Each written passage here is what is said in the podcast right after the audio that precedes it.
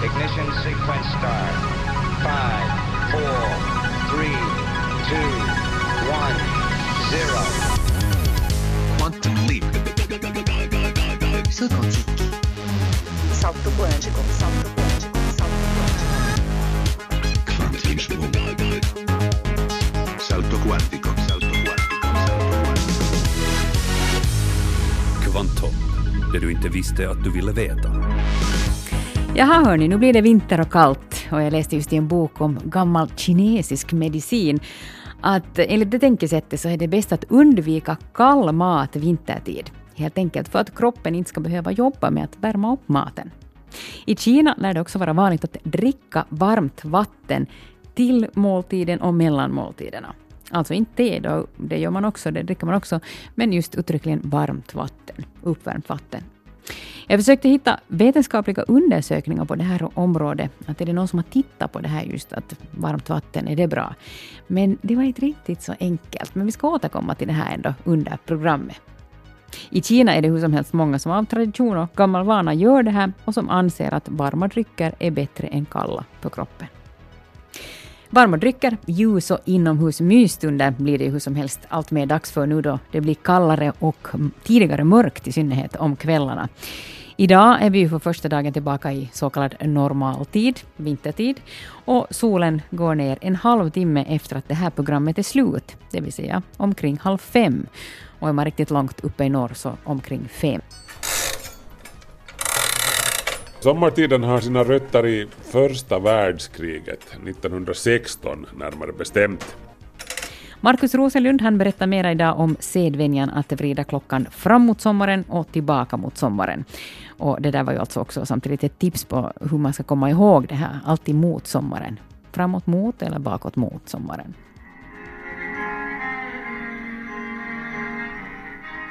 Vad sägs om en konsert där solisten är i ett land, bandet i ett annat och en symfoniorkester ackompanjerar det här på ett tredje ställe? Sådana testprojekt har man på gång vid Ålands musikinstitut, där man överlag också har börjat satsa på musikundervisning på distans. Vi har rent praktiskt så har vi en elev här på Ålands musikinstitut som, som har sin lärare i Stockholm, spelar klarinett. Och de har ju testat på det här några gånger redan. Och jag frågade Johan som han heter, en klarinettist från Filharmonin i Stockholm. Så frågade jag hur han upplevde det. Och hans svar var att det känns precis som hon är i samma rum. Bara det, jag kan inte gå fram och röra vid någonting. Det sa rektorn för Ålands musikinstitut Björn Blomqvist som Jan Jakobsson har träffat på Åland. Och vi ska höra mer om de här projekten idag. Telkänranta tällä lavalla ja hän kertoo uutuuskirjastaan Eläin ja ihminen. Bokmässa hade firats i Helsingfors i fyra dagar och i ett hörn där fanns en vetenskapshörna och den ska vi besöka här alldeles strax. Där talades det bland annat om likheterna mellan människan och djuren. Och på tal om djur, WWF publicerade förra veckan en rapport där organisationen går ut med att det finns ett flertal djur som redan har börjat lida av att vädret har blivit varmare på det arktiska området, det vill säga dit Finland också hör. Det är då järven, fjällräven, olika vattenfåglar och bland annat laxfiskar som är nu aktuella. Det här ska vi tala mer om idag. Idag ska vi också tala om penningspel som ju i princip är roligt ända tills det inte längre är det. För den spelberoende och hans eller hennes anhöriga så fastnar skrattet lätt i halsen. Idag får du träffa Johanna Nordmyr som doktorerar vid Åbo Akademi på finländskt spelberoende. Idag läggs det mycket resurser på det här och det syns också i antalet forskningspublikationer och, och i eh, de medel man lägger på just förebyggande aktivitet och, och så vidare. Magnus Hanséns samtal med Johanna Nordmyr hör vi mera av i dagens program. Nu blir det dags för veckans vetenskapsnotiser tillsammans med Markus Rosenlund.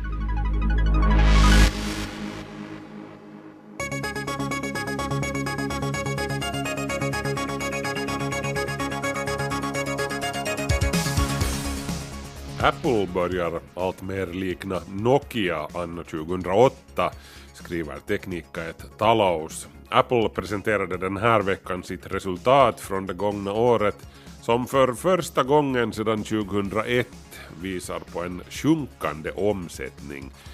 Det här samtidigt som kostnaderna för produktutveckling stiger kraftigt men utan nämnvärda resultat. Apple, precis som Nokia 2008, har inte lyckats presentera någon hitprodukt på sistone. Eh, iPhone, telefonen, den förändrade ju allting när den kom, men det är snart tio år sedan nu. Eh, musikspelaren iPod, den kom ännu tidigare, 2001. Världen väntar på nästa wow-produkt från Apple men allt fler analytiker börjar tappa tron på att en sådan är på kommande. Apple Watch, smartklockan som kom ut 2014, skulle revolutionera marknaden men konsumenterna rynkade på näsan och försäljningen av den liksom också försäljningen av pekplattan iPad är i fritt fall just nu. Fast i ett avseende är Apples läge just nu bättre än Nokias var 2008. Apple har i alla fall sin online programbutik App Store och molntjänsterna som fortfarande säljer som smör. Eh, ja, och så är den värsta konkurrenten Samsung i ännu värre blåsväder än Apple. De har ju sin Note 7 pekplatta som tenderar att fatta eld spontant. Men hur som helst, Steve Jobs kom tillbaka. Medan tron på smartprylarna vacklar i resten av världen så finns det fortfarande de här hemma som vägrar att deppa. Smyckestillverkaren Kalevala Koru till exempel, de har sin Kalevala Buddy som ser ut som ett halssmycke men som har en nödknapp som du kan trycka på när du är i fara och så kan räddningsmyndigheterna lokalisera dig med hjälp av smycket. Det har också en integrerad rörelsesensor. Kalevala Koru menar att det här kan vara framtidens lösning då man vill hålla koll på var ens barn rör sig eller att ens gamla farmor har det bra. Ja, alltså farmor kan ju trycka på smart-smyckets nödknapp om hon faller omkull till exempel. Och hennes smarta ring från Oura Design mäter kontinuerligt hennes puls och blodsockernivå. Enda problemet är väl då, antar jag, att få Famo att minnas att lägga sina smartsmycken på laddning varje kväll och lära henne att para ihop halssmyckets bluetooth med smarttelefonen när de förlorar kontakten med varann och så vidare. Ifall att någon missade det här med vad som sist och slutligen hände med ESAs marslandare Schiaparelli som det talades så mycket om förra veckan, så en av NASAs sonder som kretsar runt Mars lyckades alltså få syn på den i slutet av förra veckan och den ligger ungefär där som den skulle landa på Mars men av någon orsak tycks bromsraketen ha stängt av sig efter bara några sekunder. Fallskärmarna funkade som de skulle, men bromsraketerna gick det snett med. Och så trillade Schiaparelli rakt ner från fyra kilometers höjd i fritt fall. Och det klarar ingen och ingenting av helskinnad, inte ens i den röda planetens relativt svaga tyngdkraft så kan vi ännu notera att de senaste årens serie av milda vintrar kan ta slut den här vintern om man får tro väderföretaget The Weather Company, före detta VSI, som i sin senaste årstidsprognos nog i genomsnitt förutspår för årstiden varma temperaturer, men med mer inslag av iskall arktisk luft som tränger sig på norrifrån tidvis. Det här beror på att den så kallade polarvirveln som normalt håller den kallaste luften instängd över den norra polarkalotten har försvagats och då kommer den arktiska kylan åt att spilla söderut. November kan bli en särskilt kall månad enligt The Weather Companys prognos. Tack till Markus Rosenlund för veckans notiser. En nyhet till som jag kunde nämna här gäller finländarnas D-vitaminnivåer som har gått upp redigt. Vi började ju i Finland tillsätta extra D-vitamin i mjölk och mejeriprodukter år 2003 och höjde nivåerna ytterligare 2010 och samtidigt så har folk börjat äta mera D-vitamintillskott, helt skilt. Och det här märks nu i finländarna, konstaterar THL, som har publicerat en rapport om saken i European Journal of Public Health. Resultaten baserar sig på den så kallade Finriski-studien och nivåerna har alltså gått upp under perioden 2002 till 2012 och med hela 30 procent. Kvinnorna har gått från 48 nanomol till 67 nanomol per liter och männen från 45 till 63 nanomol per liter. Och 50 anses vara helt bra. Så med kvinnornas 67 och männen 63 så är båda två rejält över 50 då. Men nu om man då är mellan 18 och 74 år och dagligen dricker mjölk med tillsatt D-vitamin och tar kanske något smör eller margarin med tillsatt D-vitamin och äter fisk ett par, tre gånger i veckan, så då räcker det här, för nu är nivåerna så pass höga att man behöver sen utöver det inga extra tillskott av D-vitamin på burk. Tänk dig en konsert med en solist, ett rockband och en symfoniorkester där alla spelar tillsammans. Nu, det är ju ingenting konstigt, men i det här fallet finns de i tre olika länder och spelar ändå tillsammans och praktiskt taget utan fördröjning. Och så tar vi en teaterföreställning där skådespelare sitter i olika länder och styr varsin avatar, det vill säga en liten bild som representerar skådespelaren i fråga. Och det hela blir en gemensam teaterföreställning på en skärm. Hur det här senare fungerar demonstrerades i fredags i Mariehamn och då var Tammerfors en av orterna som deltog. Allt fick sin början för att Ålands musikinstitut ville ha bättre distansundervisning för skärgårdsborna. Jan Jakobsson har träffat rektorn Björn Blomqvist.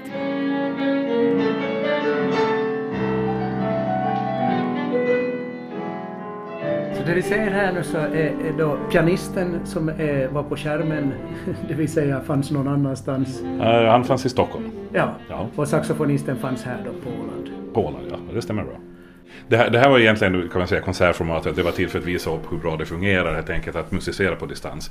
Men sen själva undervisningssituationen den är ju egentligen identisk. Bara att man bryter förstås för att vi har rent praktiskt så har vi en elev här på Ålands musikinstitut som, som har sin lärare i Stockholm. Spelar klarinett. Och de har ju testat på det här några gånger redan. Och jag frågade Johan som han heter, en klarinettist från Filharmonin i Stockholm. Så frågade jag hur han upplevde det. Och hans svar var att det känns precis som hon är i samma rum. Bara det, jag kan inte gå fram och röra vid någonting.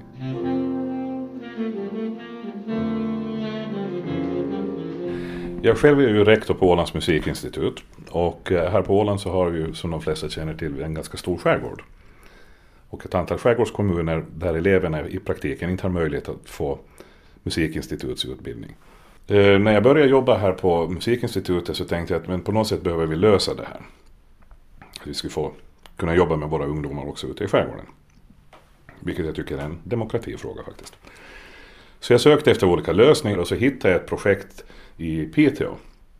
Det var ett, ett EU-projekt där man undersökte distansundervisning via nätet.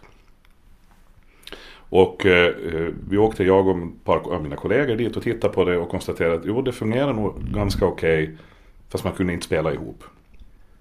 För att den berömda fördröjningen, latency, var så stor att försökte man liksom klappa takten åt den andra så då, då gick det åt skogen. Så jag tänkte att ja, men det, det, där skulle ju ändå funka för det var ju bra kvalitet. Alltså det var jättehög bild och ljudkvalitet på, på det som levererades. Och precis när, när, när jag hade kommit tillbaka efter ett tag så eh, dyker det upp en man och säger Hej, jag har hört att du är intresserad av distansundervisning via nätet. Jo, sa jag. Ja, det är ju det där med fördröjningen, sa han. Jo, jo men jag har tittat det där går ju inte att göra. Jo, men jag har en kille jag som kan göra det, sa han. Och jag, jag kommer ihåg hur jag var ganska spydig i kommentaren och sa yeah, right. Call me when you need me, liksom så här, ganska stöddigt.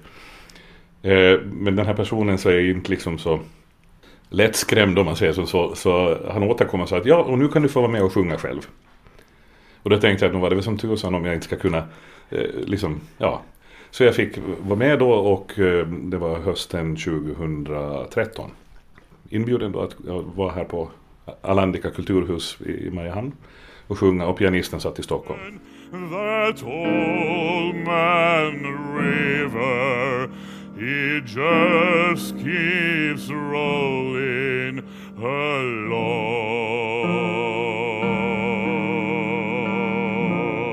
Är det här helt utan fördröjning? Alltså utan fördröjning blir det ju aldrig. Det, det vore ju att föra lite ovarsamt fram med sanningen. Men eh, mellan Stockholm och Mariehamn nu då när vi har testat så har vi ju mätt eh, fördröjningen och då är det nere i, lägga på 5 millisekunder. Och det betyder att det du upplever det som om du är i samma rum så det är som en meter och 75 centimeter ifrån varandra. Och eh, eh, på operan till exempel fem millisekunder, det, så, så kort fördröjning har du aldrig. Jag menar, man, man är väl snarare närmare 40 millisekunder kanske. Och, och, jag måste säga att på något vis blev jag liksom lite frälst av den här tekniken. För, för eh, som yrkessångare är jag ju van att det ska vara fördröjning och att man måste ligga ganska långt före på en operascen till exempel. Men i juni i år då så hade vi vår första riktiga distansundervisningssituation och det var mellan Stockholm och Mariehamn. Och, och, det har att göra med att där har vi tillgång till, till fiberlinor. För det är ju på fiberoptik vi går och inte på internet. Man ska inte förväxla det för vi går helt i liksom egna kanaler. Och, och, det kan då vara antingen egen, helt egen fibertråd eller så delar man in det i våglängder och, och, använder vissa våglängder. Så vi går i en egen korridor egentligen i den här kabeln kan man säga. Och det här kräver då, i det format vi gör det idag, så har vi alltså tre bildkanaler åt vardera hållet. Så vi använder sex bildkanaler. Och det betyder att vi har eh, ganska mycket bandbredd som går åt. Så det här är helt, det är till och med så oprövat kan man säga att, att de här bolagen som levererar alltså fiberoptisk uppkoppling. Så de vet inte hur de ska prissätta det ens. För de har aldrig gjort det, de har aldrig behövt göra det. Men sagt och gjort så vi har fortsatt med det här och eh, då bygger det på att vi har då alltså till exempel i en undervisningssituation så har vi en, vi har en ställning som är höj, höj och sänkbar där vi har monterat det mesta. Där det finns då tre skärmar.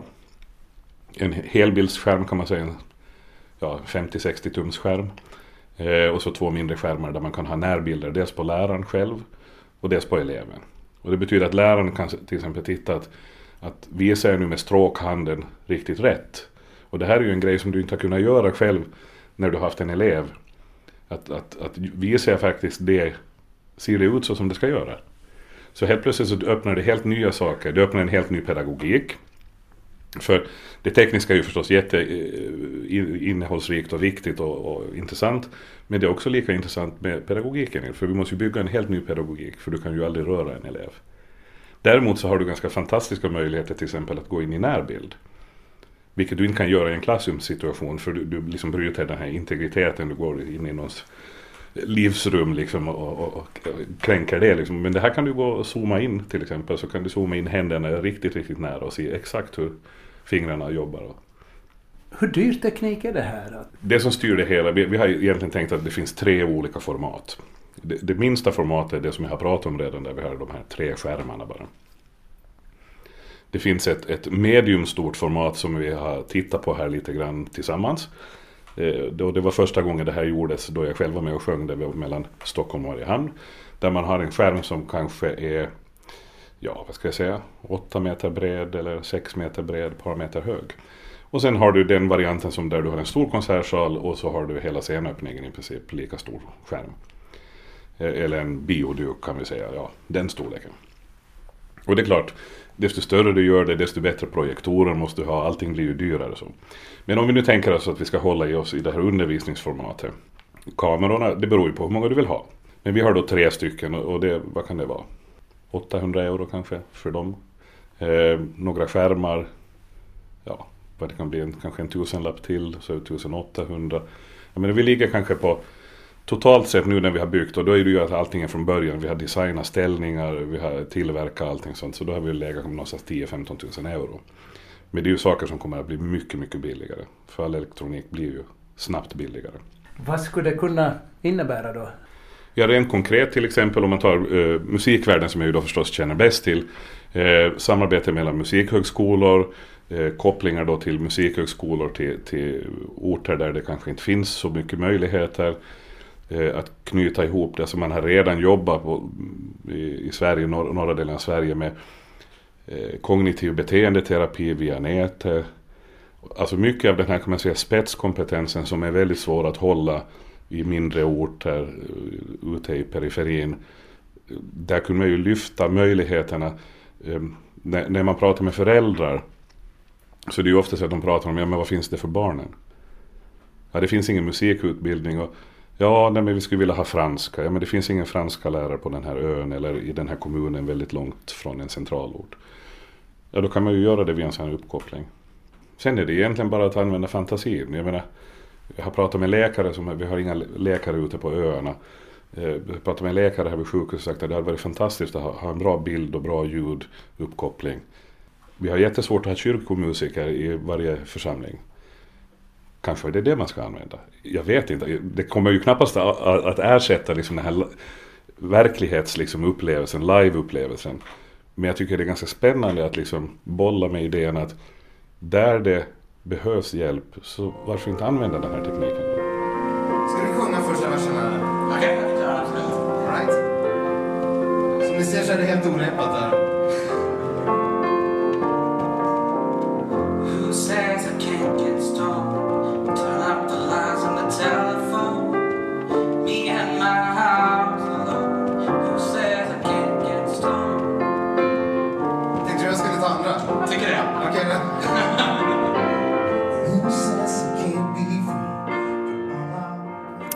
Sist här var det Stefan Gunnarsson i Stockholm och Jens Porron i Mariehamn som musicerar tillsammans med hjälp av den här tekniken.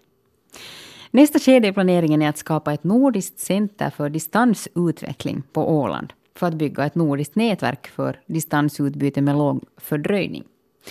En annan sak som man planerar är att göra en eh, konsert som kopplar ihop musiker i tre länder och som ska framföras i samband med Finlands 100-årsjubileum nästa år. Jan Jakobsson hade alltså träffat rektorn Björn Blomqvist på Ålands musikinstitut. Numeroita ymmärtävistä simpansseista ja lintujen ajantajusta.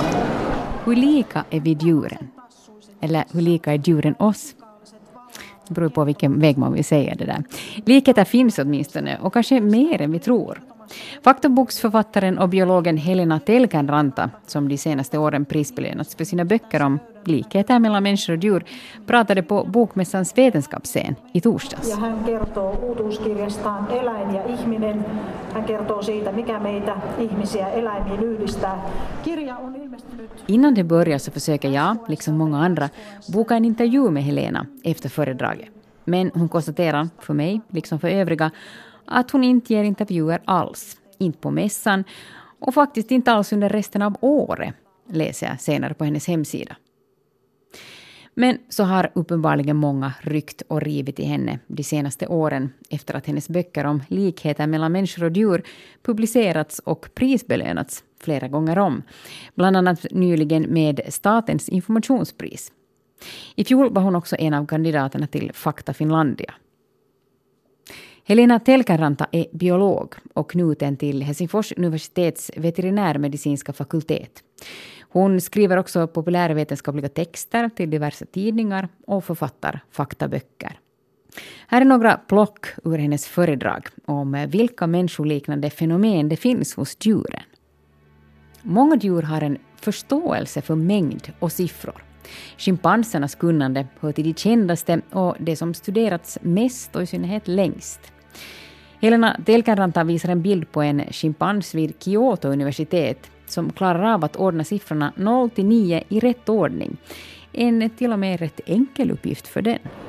Ja simpanssi pystyy tähän, esimerkiksi tämä kyseinen, kyseinen uros tässä, tämä ajumuniminen uros, joka on niistä, niistä sikäläisistä yksilöistä ihan erityisen kiinnostunut numeroista, niin sille riittää kokeiden mukaan jo yksi tota, viidesosa sekunti siihen, että Visar man de här siffrorna till och med bara en femtedels sekund i slumpmässig ordning så kan den här schimpansen utan problem peka ut de övertäckta siffrorna i rätt ordning. och den gör det dessutom snabbare än studerande vid samma universitet som ombetts göra samma test. Simpanssi, ei pelkästään ajumu, vaan muutkin simpanssit, osa muistakin simpansseista sujuvasti voittaa opiskelijat tässä testissä. Ja monelle tämä saattaa kuulostaa tutulta tämä leikki, koska sehän on tietysti mielessä samantyyppinen kuin Och det finns en systematik i varför det är så här, förklarar Helena. Det är samma sak som då barn är bättre än vuxna på att spela minnesspelet Memory. De vinner ofta. Evolutionen har gjort att då en vuxen hjärna klarar av att hålla mycket i huvudet och tänka komplexa tankar, så försvinner lite i snabbheten. Barn och djur kan tänka enkla saker snabbare, medan vuxna istället klarar besvärligare tankenötter bättre.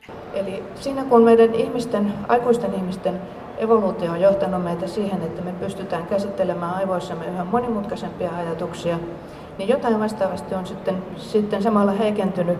Siinä missä me aikuiset ihmiset osaa ajatella, osataan ajatella monimutkaisempia ajatuksia kuin mikään muu eläin, niin vastaavasti simpanssit ja muut ihmisapinat ja pienet lapset osaa ajatella yksinkertaisia ajatuksia nopeammin kuin me aikuiset ihmiset. En annan sak Lena Telkäranta tar upp är att det finns höger och vänsterhänta djur. Hundar och katter är tydligt antingen vänstertassade eller högertassade, förutom de som är tvåtassiga eller tassade, eller vad det nu blir.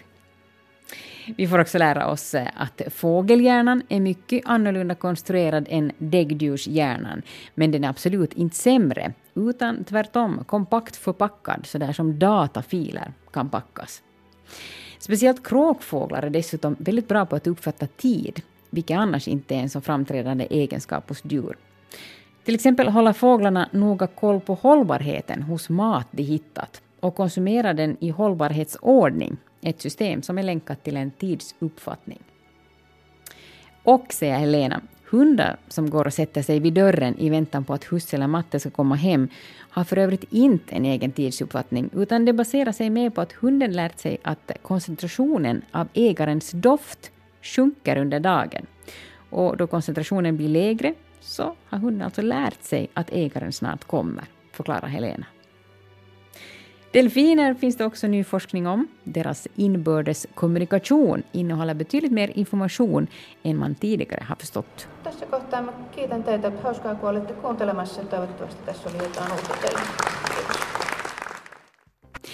Vi finländare är ett penningspelande folk. Majoriteten av befolkningen ägnar sig åt någon form av penningsspel och i snitt spelar vi för 11-12 euro i veckan. Men när spelandet går överstyr och utmynnar i ett problem eller ett beroende infaller skuldkänslor, lögner och irritation. Och precis som för substansmissbruk så drabbas också de anhöriga. Johanna Nordmyr doktorerar på penningspelande. Hon är verksam vid Åbo Akademi i Vasa och enheten för utvecklingspsykologi och dessutom forskar hon för eh, THL, Institutet för hälsa och välfärd, och är verksam vid Österbottens kriscenter Valo. Magnus Hansén fortsätter med forskare Johanna Nordmyr. Har vi i Finland, Johanna, ett spelberoende? Jo, det har vi. Det finns en viss grupp, um, om vi tänker på befolkningsnivå så här och försöker tänka konkret i, i siffror, um, så är det 3,3 procent av befolkningen mellan 15 och 74 år i Finland som man bedömer har ett spelproblem. Och sen spelberoende, den mer allvarliga formen av spelproblem då, som, som innebär en diagnos, man kan diagnostisera det här. Så, så det är ungefär 1,3 procent av befolkningen um, som uppvisar ett spelberoende. Om vi ska försöka konkretisera det här ännu mer så, så skulle det motsvara cirka 49 000 personer. Så, så det är ju ganska omfattande. Ja, det är ju alarmerande siffra. siffror vi snackar om. Mm, jo, det är en ganska hög siffra. Och sen ska vi inte glömma, någonting man ofta pratar väldigt mycket om i det här sammanhanget idag är tidigare när det gäller substans um, problem relaterade till olika substanser så pratar man ju också ofta om anhöriga till de, till de här människorna. Och detsamma gäller ju um, problemspel. Att, att det är ju ett, ett visst antal personer runt människan som upplever spelproblem som också drabbas av det här på olika sätt. Um, och till exempel i, i en undersökning utförd av THL i fjol så, så när man frågar deltagarna i den här undersökningen att har någon av era eh, anhöriga haft penningspel så då var det 13 procent som angav att jo, det tror de att, att de har någon i sitt nätverk. Och, och 476 000 personer är det alltså som angav att jo, eh, en nära vän till mig som misstänker jag eller vet har eller har haft spelproblem. Med andra ord så är vi ett spelande folk. Jo, det är vi absolut. Uh, under fjolåret så var det ungefär 80 procent av befolkningen som ägnar sig åt penningspel i någon omfattning. Det kan ju innebära att man lämnar in en lottorad en gång under året också, men, men sen um, finns det ju de som spelar betydligt mer aktivt. Men har vi statistik då på hur mycket vi i snitt spelar per person och år? Um, jo, det finns um, statistik på det. Om vi tänker så här, många är ju intresserade av summor och, och på befolkningsnivå så är ju inte den summan så stor. Det är mellan 11 och 12 euro per person per vecka. Um, per vecka? Mm. Jaha, jag tänkte, jag tänkte per år. Jo, nej. Ja, just det, det, det så det är så pass vecka. mycket? Jo, 11 till 12 euro per vecka. Um, bland de som har ägnat sig åt penningspel. Då. Men sen ska vi ju uh, komma ihåg att de som har problem relaterade till penningspelen, så där är det ju här uh, summorna ofta betydligt större. Mm. Mm. Okej, okay, vi ska ta fortsätta kring det här. Och du sa att det, det är 3,3 procent ungefär som har spel problem. problem. Mm. Uh, av den här andelen, ser vi en könsfördelning? Jo, absolut. Det är fler um, män än kvinnor.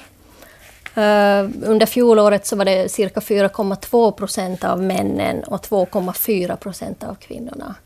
Så det, det är betydligt mer, mer vanligt förekommande bland män. Just det. Hur är det bland, ursäkta, hur är det bland unga och gamla då? Ser man där också skillnader? Um, ja, bland män så tenderar det att vara de här yngre männen mellan 18 och 34 ungefär. Medan bland kvinnor så, så om vi tänker på, på grupper som söker hjälp till exempel, så de tenderar att vara äldre nog. Um, kvinnor ofta, brukar ofta börja på um, med penningspel vid senare ålder än män, så det hänger väl delvis ihop med det också.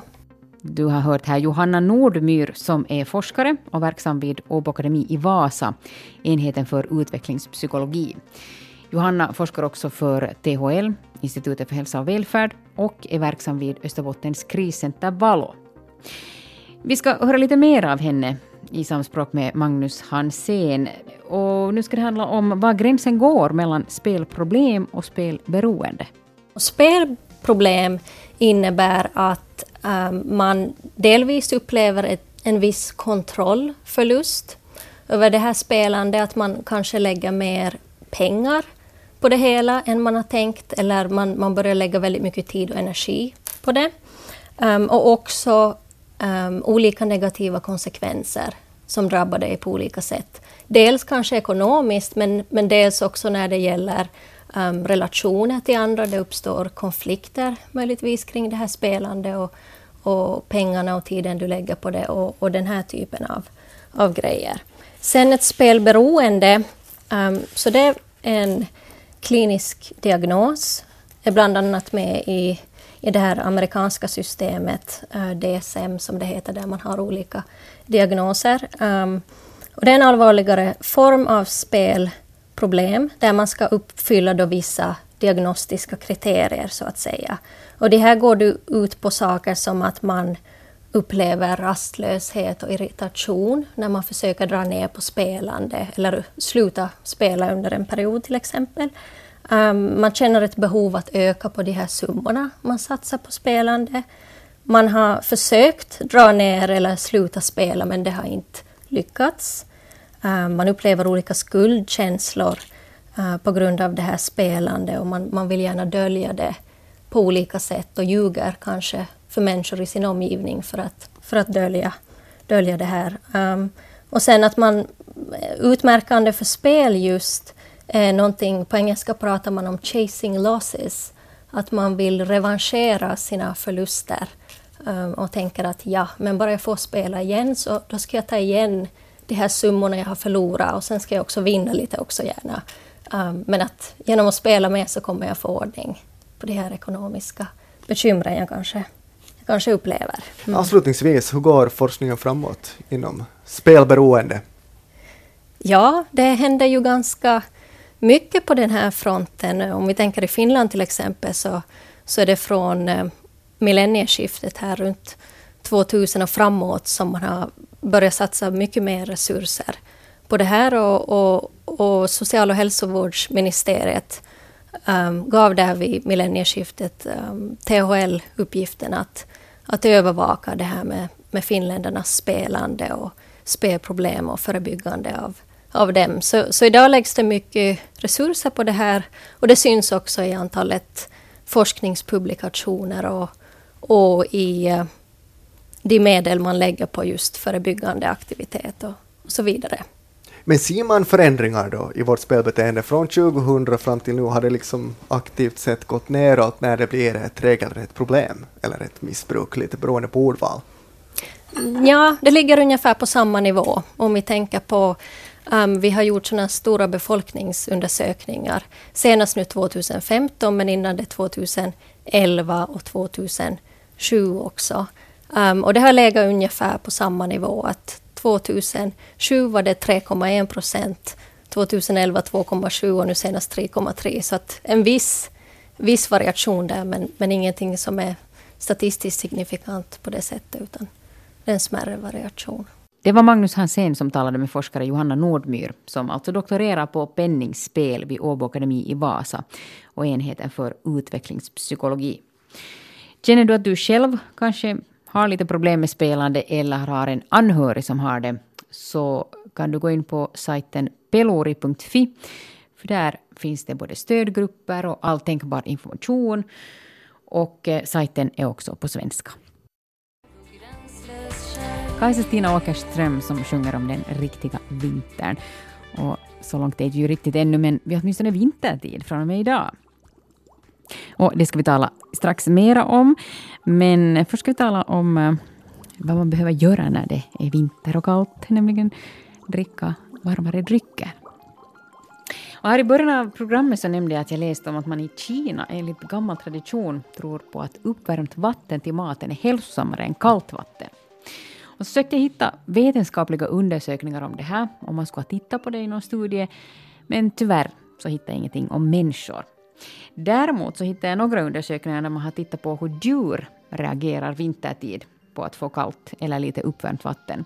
Och till exempel hästar som står utomhus, så de dricker hellre lite varmare vatten om de själva får välja. Lite varmare än iskallt. Och kossor vars dricksvatten ändrades från plus 3 grader till plus 17 grader, de började producera mer mjölk. För de hade mer energi över då de inte själva behövde använda kroppstemperatur till att värma vattnet. Men eh, gällande människor så är det då kanske också så att uppvärmt vatten är bra, men för hett vatten ska det åtminstone då inte vara. Världshälsoorganisationen WHO har nämligen varnat för att man kan få strupcancer om man ofta dricker varma drycker, som till exempel då kaffe eller te, som är över 65 grader varma. Orsaken till det här är att den varma vätskan kan skada celler i matstrupen och det kan leda till att cancerceller utvecklas. Men dricker man kaffe som då är kallare än 65 grader så kan det här då minska risken för till exempel levercancer med 15 procent enligt WHOs studie. Så sådär lagom är bäst igen en gång.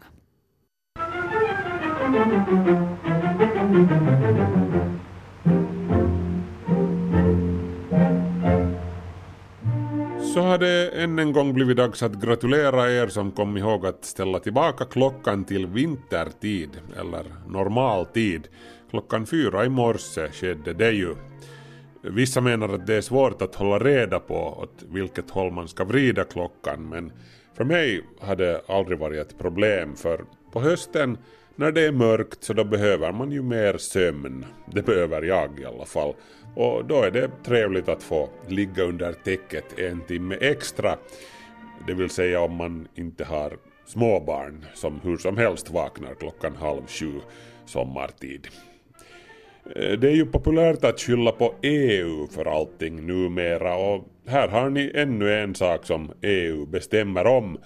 Eh, den sista söndagen i oktober då ställer alla EUs medlemsländer tillbaka klockan med en timme. Det finns ett direktiv om det här.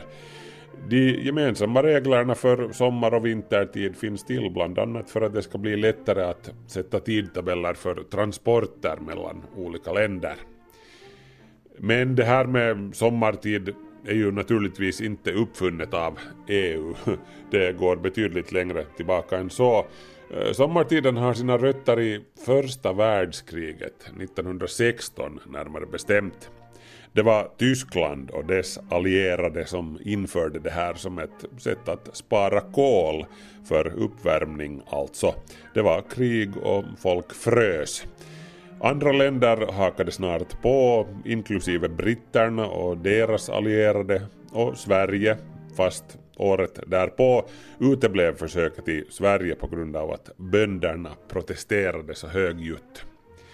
Finland experimenterade med sommartid så pass sent som 1942 men efter kriget frångick man det här och inte förrän 1981 infördes sommartid som en regelbundet återkommande grej.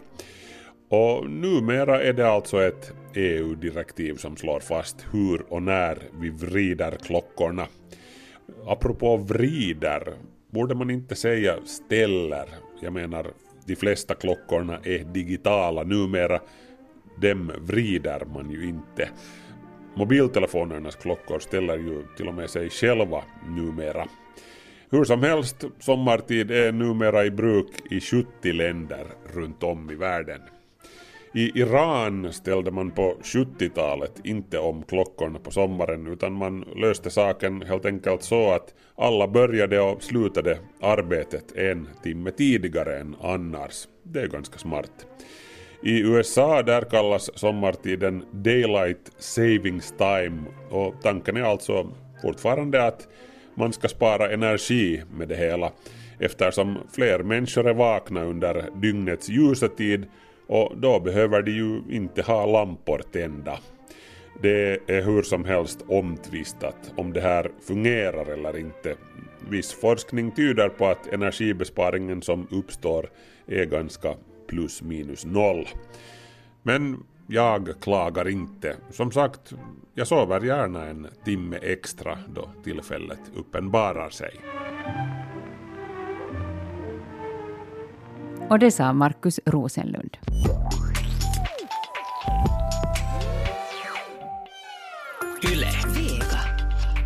Det finns många djur i vår arktiska natur som är helt beroende av snö, is och överlag kall väderlek. Bland annat järven, fjällräven, olika vattenfåglar och laxfiskar. Och konstaterade Världsnaturfonden i Finland i en ny rapport som offentliggjordes förra veckan klimatförändringen har redan börjat störa just de här djuren på olika sätt. Det är alltså många fler djur på det arktiska området, dit hela Finland hör, som lider av att miljön blir varmare än de djur som man hittills har pratat mest om, som till exempel isbjörnen internationellt och saimenvikaren nationellt, ser man på WWF. Kun ihmiset tuntee ehkä jääkarhun globaalisti tämmöisenä ilmastonmuutoksesta kärsivänä artsena lajina ja, ja kotimaasta on tunnettu tuo saimaannorppa aika hyvin, niin haluttiin laajentaa tätä ihmisten perspektiiviä siihen, että jäästä, lumesta ja kylmyydestä riippuvia lajeja on Suomessa niin kuin merkittävä määrä linnuista nisäkkäisiä ja jopa selkärangattomiin. Både fåglar, däggdjur och ryggradslösa djur hör till gruppen, säger Samsa Vilhunen som på Världsnaturfonden i Finland ansvarar för havs och arktiska frågor. Djuren vi nu ser packa sina väskor och som klimatflyktingar drar norrut är bland annat järven, fjällräven och fjällämmen. Vädret passar inte längre. Ahma on tämmöinen, joka kärsii merkittävästi ja, ja naali on katoamassa myöskin meiltä ja, ja osin kadonnutkin. Sitten meillä on tota, Det är bland annat snöbrist, allt för varmt vatten och vintertida regn som gör det svårt för de här djuren. Vissa fåglar flyttar sig statistiskt sett fyra meter norrut per dag, eller sett på årsbasis en och en halv kilometer. Så vad ska vi göra åt saken? Vad kan vi göra? Vad föreslår Världsnaturfonden? meidän ehdotuksemme. Se, että tehdään oikeanlaisia päätöksiä ja, ja voidaan ottaa ohjenuoraksi monella erilaisia asioita, mutta meillä on aika tuoreet YK on kestävän kehityksen periaatteet, mihin monet viittaavat, mutta niiden niin kuin asianmukainen seuranta, kansallisten strategioiden mukauttaminen näihin kestävän kehityksen periaatteisiin, niin tämä on aika lapsenkengissä vielä. Ja me toivotaan nyt Suomen... FN har jättebra uppgjorda principer för en hållbar utveckling, men det gäller ju att följa dem då och att övervaka att de följs, säger Samsa Vilhunen på Världsnaturfonden i Finland. Eftersom Finland dessutom inkommande vår och två år framöver kommer att överta ordförandeskapet i det arktiska rådet som lyfter fram frågor som berör livet på de arktiska områdena, så har vi möjlighet att påverka utvecklingen också i större skala. Men också våra politiker i landet behöver ta ställning till de nämnda djurens väl och ve. No, suomalaisten päättäjien täytyy ottaa vastuu suomalaisesta luonnosta ja, ja tehdä kunnianhimoisia päätöksiä esimerkiksi vaikkapa siitä, että Suomen arktisella alueella käytetään vain uusiutuvaa energiaa vuonna X ja X. Tällaisia kunnianhimoisia kansallisia Helt konkret behöver de finländska politikerna besluta att vi på lång sikt ska gå över till att använda enbart förnybar energi, säger Sampsa Vilhunen på Världsnaturfonden. Se, että kansalaiset haluavat parempaa tulevaisuutta myös arktiselle alueelle ja sitä kautta koko maapallolle, niin se kääntää sitten myöskin päättäjien päät. Politikerna får nog till stånd de här besluten bara folket vill, säger Samsa Vilhonen på Världsnaturfonden. Men hur får man då oss vanliga dödliga som har fullt upp med att få tiden att räcka till butiksrundan efter arbetsdagens slut, matlagning, städ, tvätt, läxhjälp, jumpa, sagoläsning, strykning, presentfixande, ta hand om äldre släktingar med mera, med mera. Det är liksom Arktis kommer på punkt Ö i det sammanhanget. Hur får man oss intresserade? No, arktiset alueet on niin kuin luontainen ilmastointilaite koko maapallolle. Ja mä uskon, että myöskin se normaali työssäkäyvä ihminen ja, ja kotiäiti on kumminkin kuullut ilmastonmuutoksesta ja tietää sen valtavat, mullistavat vaikutukset meidän, meidän mahdollisuuksiin ihmisenä elää tällä planeetalla ja myöskin eläimille. Ja nyt jos tiedetään, että tämä on meidän arktiset alueet on tässä suhteessa niin kuin merkittävin alue ehkä täällä maapallolla, joka määrittää tätä tulevaisuutta, niin sitä kautta me toivotaan, että myöskin nämä ihmiset kiinnostuisivat sen suojelusta. Ja varsinkin siitä Våra nordliga breddgrader, det arktiska området, har en jättestor betydelse för resten av jordklotet. Värms vi upp här, och vissa beräkningar gör gällande att det dessutom går mycket snabbare här än på andra ställen, då kommer det igen att återspegla sig på resten av planeten. Tinar till exempel permafrosten i Sibirien, som i dagens läge ännu då binder en massa kol, då kommer den totala uppvärmningen att accelerera. Allt hänger ihop med allt. Och det är det vi alla genom våra små beslut är delaktiga i, också då vi på målsträckan mellan jobb och spis slirar in via matbutiken och gör en rad nationella och internationella kommersiella val. Och där har Världsnaturfonden för övrigt nu kommit ut med ett hjälpmedel. En fiskguide som kan laddas ner också till telefonen och som kan hjälpa den annars oinsatta konsumenten som då står där vid frysdisken och funderar mellan raderna av fiskpinnar och rader av inlagd lax vad den ska göra. Här kan man alltså kolla vad som är okej, okay, alternativt inte okej, okay, i fiskväg med tanke på naturens bästa. Jolla pystyt sitten katsomaan sieltä, että mikä on suositeltava valinta vaikka näistä arktisista lajeista siinä kalatiskillä. Mm-hmm. Ja sitten jättää ostamatta sen, mikä on ylikalastettu tai tuhoisilla kalastusmenetelmillä punaiseksi tässä listassa eh, määritelty. Ja sitä kautta on vaikuttamassa päivittäisillä valinnoillaan siihen, että esimerkiksi pohjatrollattua kalaa ei Suomen markkinoilla tulevaisuudessa olisi ollenkaan. Bottentrålad fisk har vi förhoppningsvis i framtiden inte alls på den finländska marknaden. Det sa Samsa Vilhunen på Världsnaturfonden i Finland. Och det här var det sista i Kvanthopp idag. Vi är tillbaka nästa söndag med ett nytt program. Och vill du i väntan på det höra det här på nytt så hittar du det på arenan under rubriken Kvanthopp. Och så hör du det också i repris i Ylevega inkommande lördag klockan sex på morgonen. Jag heter Ulrika Fagerström och låter Jean-Michel Jarre få de sista minuterna här idag. Imorgon kan man se och höra honom i ishallen i Helsingfors.